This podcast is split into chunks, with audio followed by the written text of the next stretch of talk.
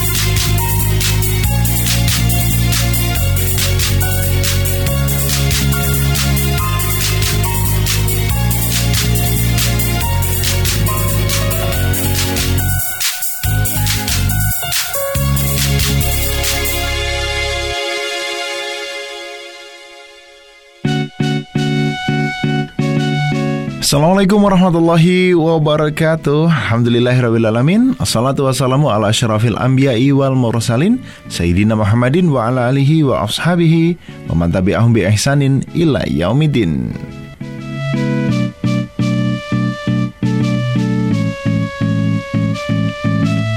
Selamat pagi kawan, gimana kabarnya? Semoga senantiasa dalam keadaan terbaik dan senantiasa dalam perlindungan Allah Subhanahu wa taala. Jumpa kembali di kesempatan pagi ini dalam program Tetaplah Berharap edisi pagi. Ya kalau tetaplah berharap itu ada dua episode setiap minggunya. Episode pertama biasanya kita upload hari Senin pagi, kemudian episode keduanya hari Kamis malam. Kalau Senin pagi biasanya kita akan kupas hal-hal yang membuat kita semakin bersemangat untuk menjalani hari-hari di pekan ini.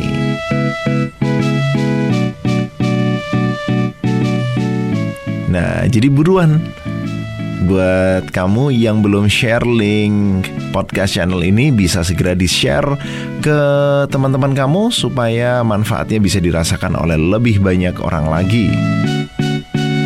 Nah, karena apa? Karena bersegera adalah lawan dari kata menunda atau malas.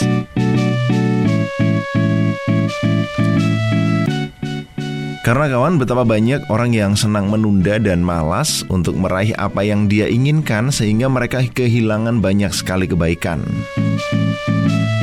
Oleh karena itu jadilah orang yang senantiasa bergegas dalam melaksanakan kebaikan. Kenapa?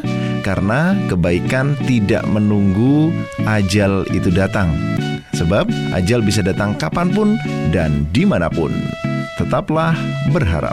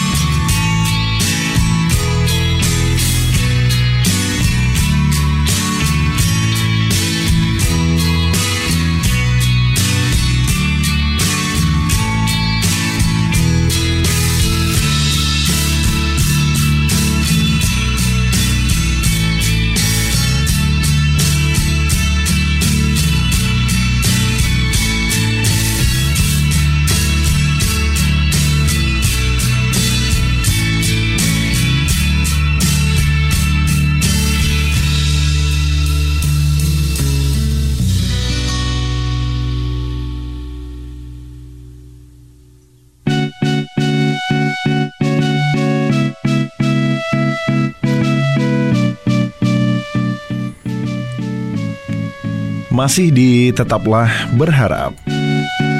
Kawan, berbuat baik itu adalah akhlak yang luhur, akhlak yang baik.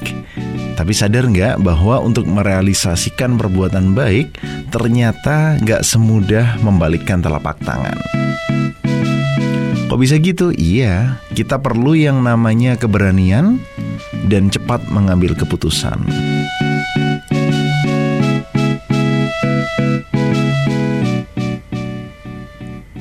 Nah, ingat um, mengapa manusia banyak yang punya niat baik tapi tidak bisa bersegera untuk melakukan kebaikan?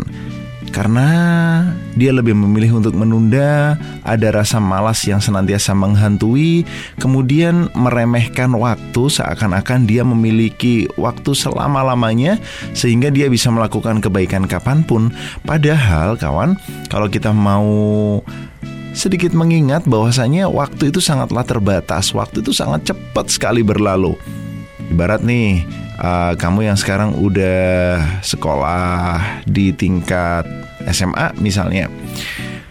Dulu ketika masuk SMP nggak terasa banget tiba-tiba udah tiga tahun masuk SMA SMA nggak terasa tiga tahun lagi udah uh, kuliah. Yang sekarang lagi kuliah kok nggak terasa ya? Dulu kayaknya saya baru masuk SMA kemudian tiba-tiba aja lulus tiba-tiba sekarang udah kuliah. Dulu masih pakai seragam sekarang sekolahnya belajarnya udah pakai baju bebas.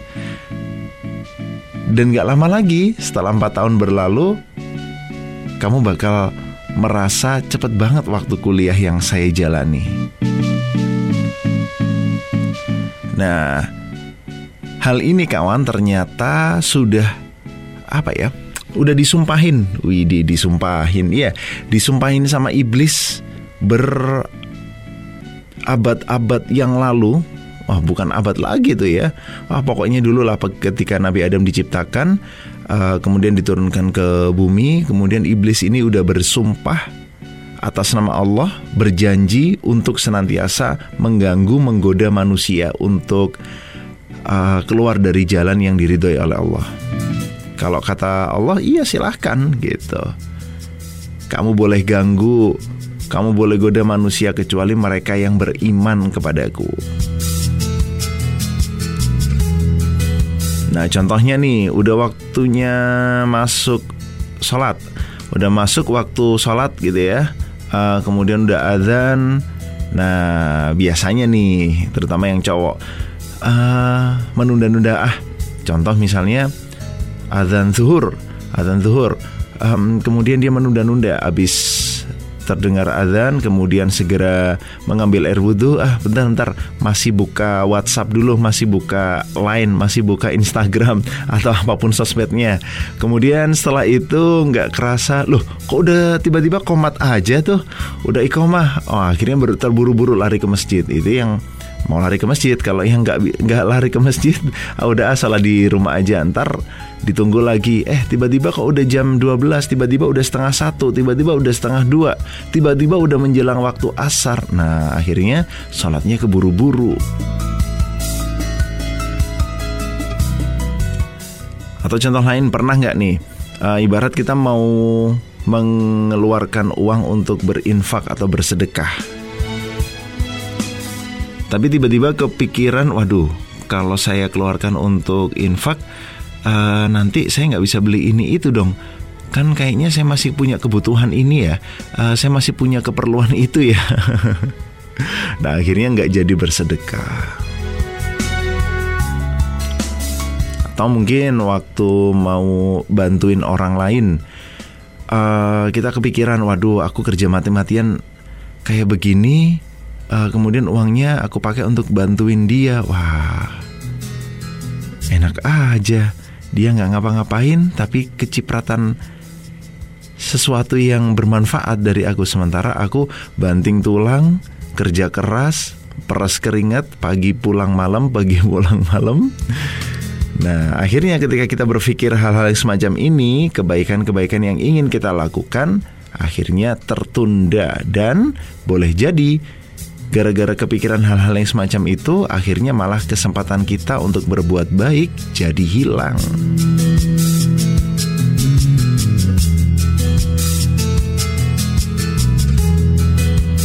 Nah padahal kawan, jika kita mau merenung lagi nih, kita mau berpikir lagi, sesungguhnya perbuatan baik yang itu disegerakan, itu keuntungannya bukan untuk orang lain loh.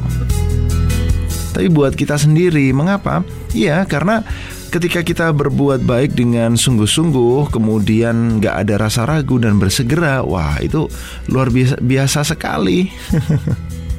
Jadi uh, orang-orang yang berbuat baik dengan bersegera atau menyegerakan perbuatan baiknya itu ibarat orang yang kuat. Kenapa? Karena dia kuat melawan rasa malasnya, dia kuat untuk uh, melawan segala hal yang membuat dirinya ragu untuk berbuat baik.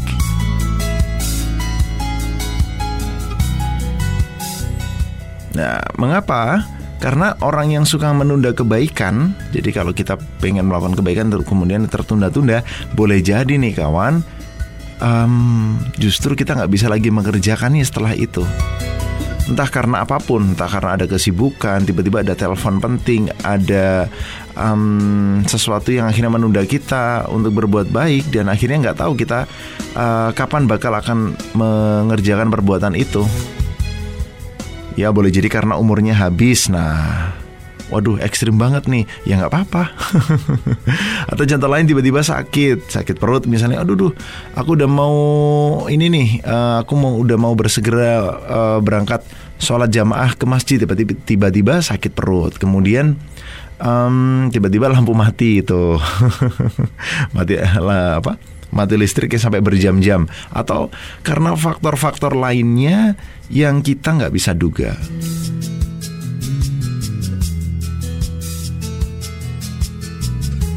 Nah, maka dari itu kawan, segeralah mengerjakan kebaikan dan jangan ditunda-tunda sebelum datang sesuatu yang menghalangi kamu untuk berbuat baik.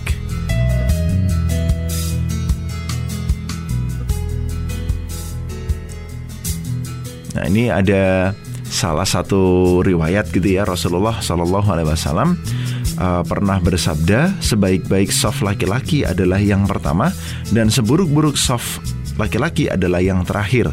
Sementara sebaik-baik soft wanita ada yang bag, adalah bagian yang paling belakang dan sejelek-jelek soft bagi mereka, bagi wanita adalah yang terdepan. Artinya supaya dapat tempat yang terbaik ya tentu saja harus bersegera untuk menjalankan kebaikan itu. Kalau sholat ya segera berangkat. Kalau ingin bersedekah segera keluarkan uangnya dari dompet cepet-cepet jangan dilihat lagi jangan dipikir-pikir lagi.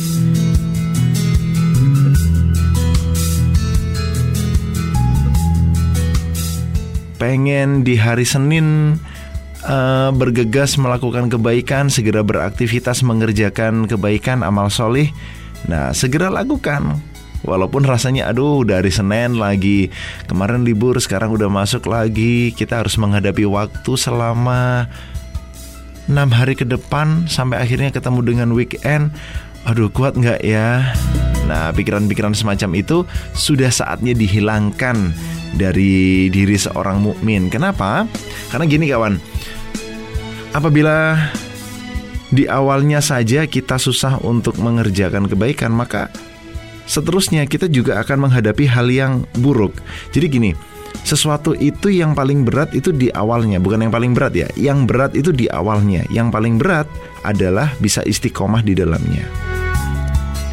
Jadi kalau untuk mengawali aja kita merasakan sesuatu yang berat, sesuatu yang mengganjal, nah gimana ceritanya bisa istiqomah?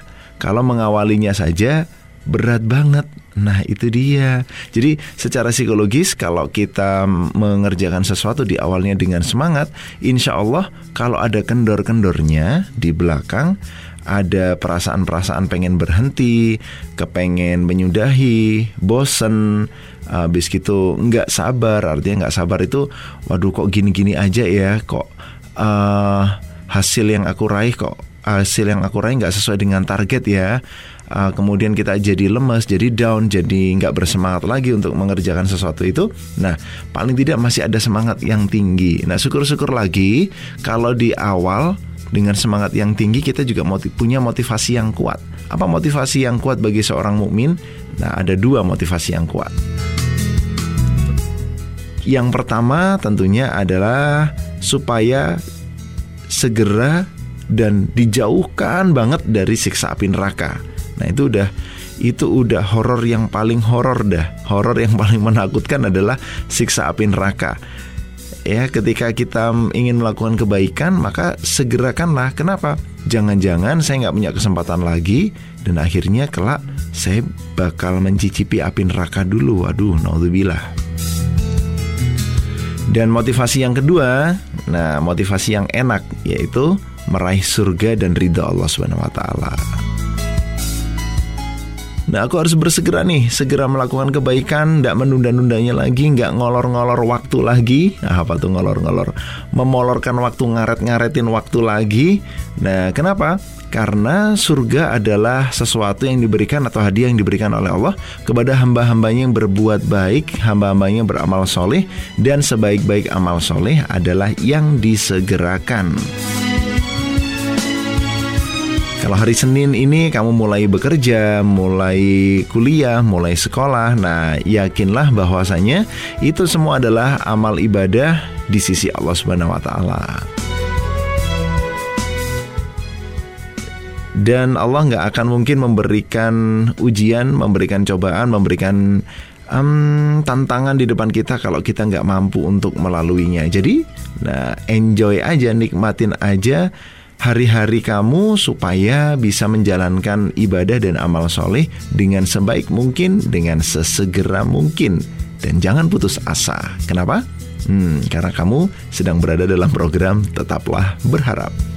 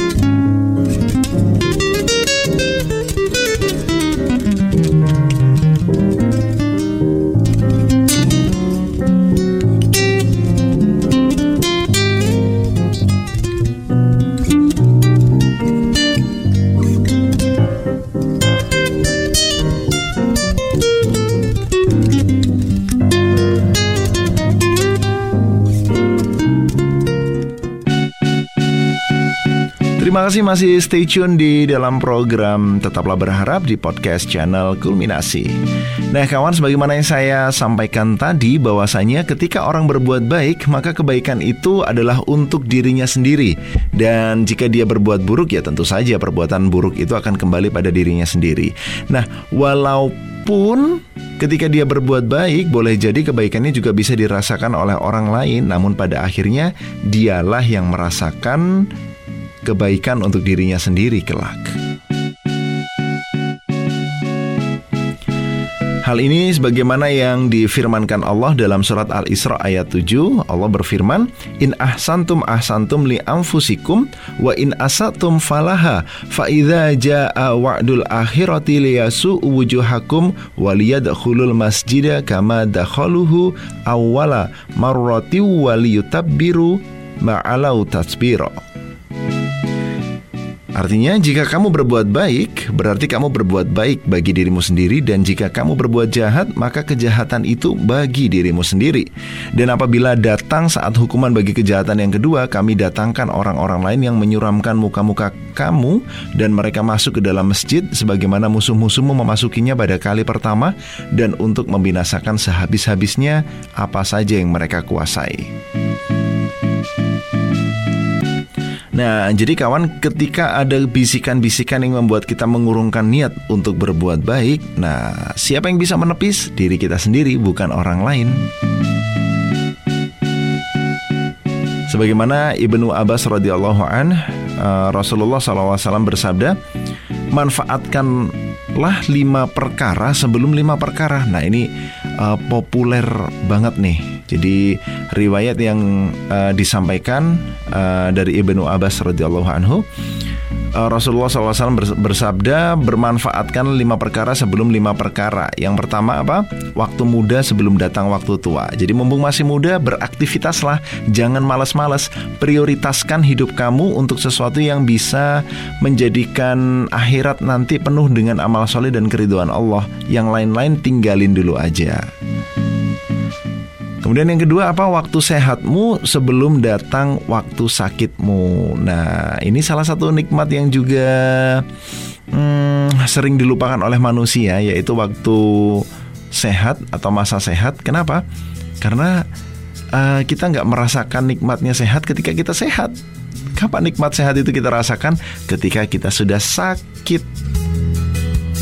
Dan yang ketiga, masa kayamu sebelum datang masa kefakiranmu. Jadi mumpung masih punya uang, masih punya harta, segerakan untuk menyampaikan uang atau harta kita di jalan Allah, menginfakannya di jalan Allah. Sebelum ketika ketidakmampuan atau kefakiran itu datang sehingga kita nggak bisa berbuat lebih, nggak bisa berkontribusi banyak pada agama Allah. Masa luangmu?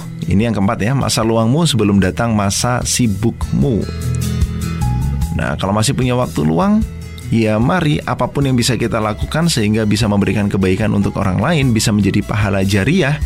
Ya pahala jariah itu macam-macam, bisa dengan ilmu yang bermanfaat, bisa dengan uh, amal jariah, artinya um, harta yang dimiliki kemudian diinvestasikan untuk menjadi pahala, bisa berupa wakaf, uh, sodako dan lain sebagainya atau nah tapi kalau yang jomblo belum bisa yang ketiga ini anak soleh yang mendoakan orang tuanya jadi investasikan masa luang kita untuk hal-hal yang bisa memberikan amal jariah, bisa memberi pahala jariah. Kenapa? Karena ketika nanti kita sudah mati, semua amalan itu akan terputus kecuali tiga hal itu tadi. Jadi uh, mumpung punya waktu luang nih, ya kamu bisa nulis buku, bisa bikin podcast kayak gini. Jadi nanti kalau sudah nggak ada, saya udah mati tuh, podcastnya masih bisa didengar, buku saya masih bisa dibaca. Nah, insya Allah uh, saya berharap ada pahala yang senantiasa mengalir uh, buat saya. Jadi sebelum datang masa sibuk sehingga kita nggak lagi bisa mikirin akhirat, sehingga kita merasa satu bulan udah rasanya kayak satu minggu aja, seminggu rasanya sehari sehari rasanya sejam, sejam rasanya kayak sekedipan mata. Nah, manfaatkan waktu luang sebelum masa padat atau sibuk. Kemudian yang terakhir yang kelima adalah hidup sebelum mati.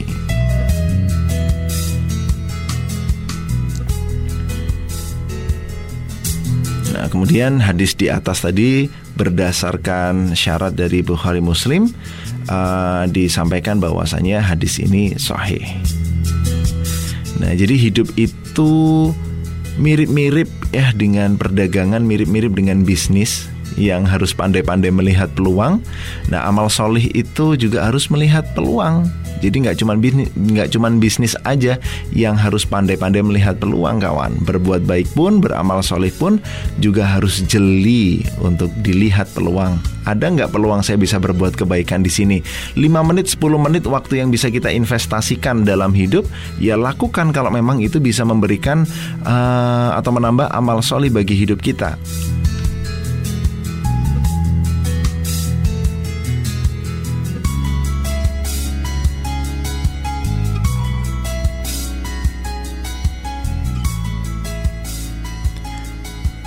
Nah, contoh nih, uh, kami mengundang kamu yang punya naskah-naskah atau tulisan-tulisan yang siap untuk dijadikan podcast, kamu kirimin. Um, jumlahnya nggak banyak, bisa setengah atau satu halaman A4 uh, eh, di Word. Kamu bisa kirimkan um, melalui admin kami. Nah, bisa DM tuh di Kulminasi Podcast. Jadi kamu kepengen karya kamu diangkat dalam bentuk podcast, sementara kamu nggak bisa, belum sempat rekaman, belum sempat bikin uh, audio dan lain sebagainya. Insya Allah kami siap membantu kamu. Kirimin aja tuh uh, naskah-naskah kamu, tulisan-tulisan kamu, ya nggak usah banyak-banyak.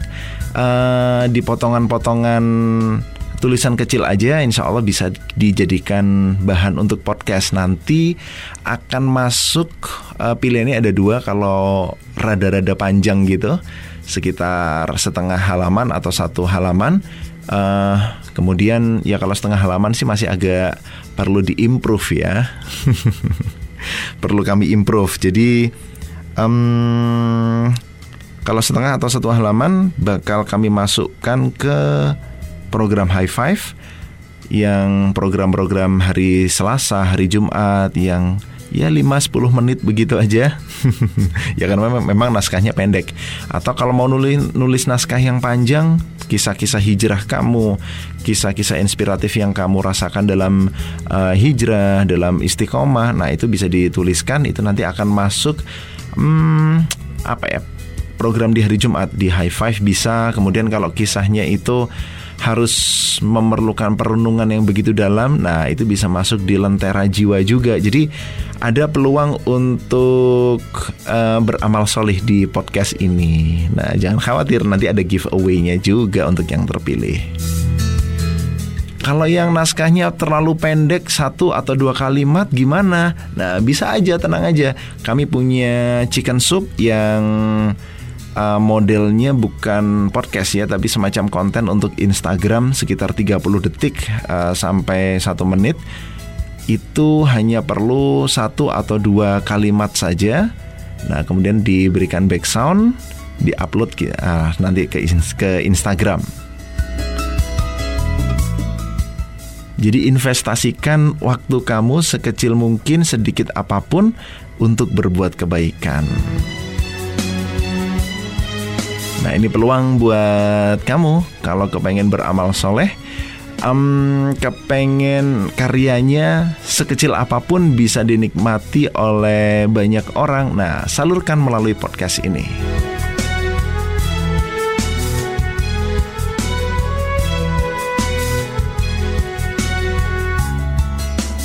Nah, jadi supaya kebaikan yang kamu miliki, kebaikan yang kamu pikirkan uh, bisa dirasakan oleh orang banyak. Jadi jangan diambil sendiri, jangan disimpan sendiri kalau yang namanya kebaikan. Kebaikan harus di-share agar manfaatnya dirasakan oleh banyak orang dan tentu saja kelak akan ada balasan yang luar biasa baiknya dari Allah Subhanahu wa taala untuk orang yang menyampaikan kebaikan. Sebagaimana yang ia firmankan, "Fama ya'mal mithqala dzarratin khairan yarah wa ya'mal mithqala dzarratin syarran yarah." Jangan ke mana mana tetaplah berharap.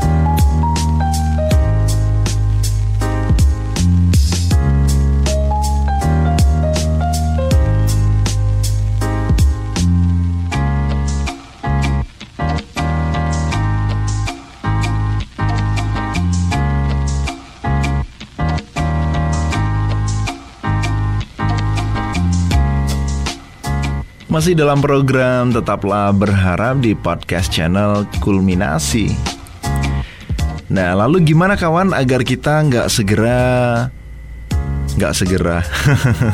Lalu gimana supaya kita nggak melepaskan peluang untuk bisa berbuat baik? Nah sederhana aja jawabannya, bersegera.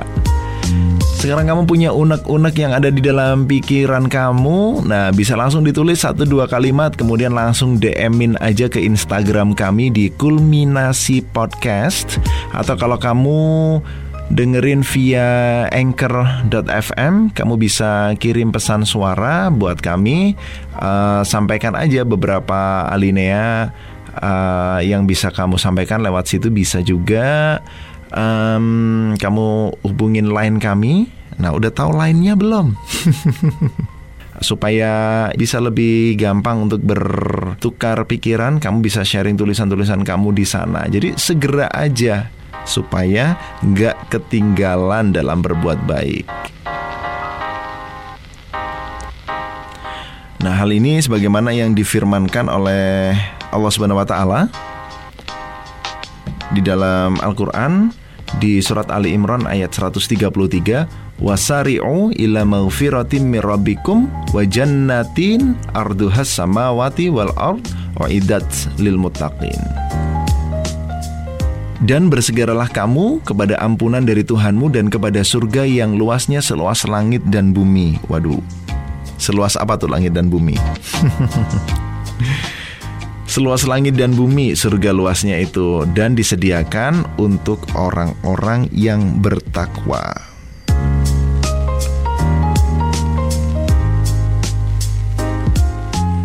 Nah, salah satunya ada sebuah kisah inspiratif seorang sahabat Nabi yang bersegera dalam mengerjakan kebaikan. Nah, pada saat itu ada seorang laki-laki yang bertanya kepada Rasulullah SAW pada saat perang Uhud uh, tahukah engkau di mana tempatku jika aku terbunuh ya Rasul gitu. Kemudian Rasulullah SAW bersabda, engkau akan berada di surga. Kemudian mendengar sabda Rasulullah SAW tersebut, maka laki-laki itu tadi yang bertanya itu tadi serta merta melemparkan buah-buah kurma yang ada di tangannya. Jadi dia posisi lagi makan kurma sambil tanya kepada uh, Rasulullah, kalau saya mati syahid di perang Uhud ini, kalau saya syahid di perang Uhud ini, di mana nanti tempat saya gitu. Nah kemudian Rasulullah menjawab, tempatmu akan berada di surga. Kemudian buah kurma itu tadi nggak dia makan tapi dia buang untuk bisa bersegera maju ke medan perang. Alhamdulillah, akhirnya laki-laki ini syahid di medan perang. Maka dari itu kawan, saat ada kesempatan berbuat baik datang menolong orang misalnya, yakinlah bahwa saat itu kita telah ditunjuk dan diberikan amanah oleh Allah sebagai perantara pertolongan kepadanya, sebagai perantara kebaikan untuk dia. Nah, sudahlah itu berpahala dan harusnya kita tersanjung uh, saat diberikan kemuliaan semacam ini oleh Allah Subhanahu wa taala. So, selamat berjuang Tetap semangat di pekan ini dan teruslah berbuat baik.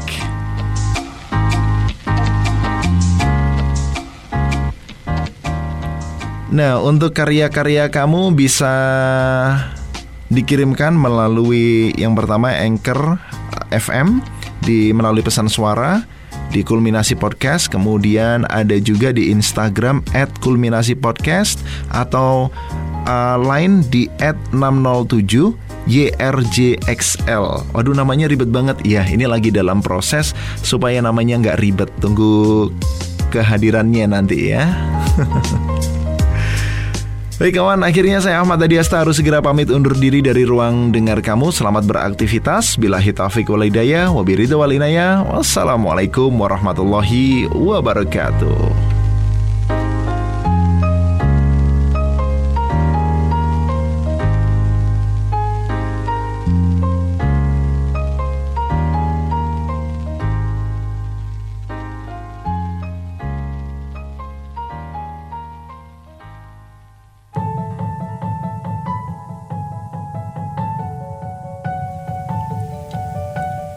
Assalamualaikum kawan, gimana?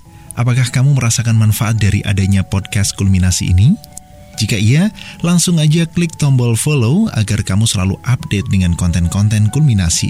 Silahkan juga share link podcast Kulminasi agar manfaatnya dapat dirasakan oleh lebih banyak orang lagi. Dan jangan lupa follow Instagram kami di @kulminasi_podcast agar kita bisa saling sapa.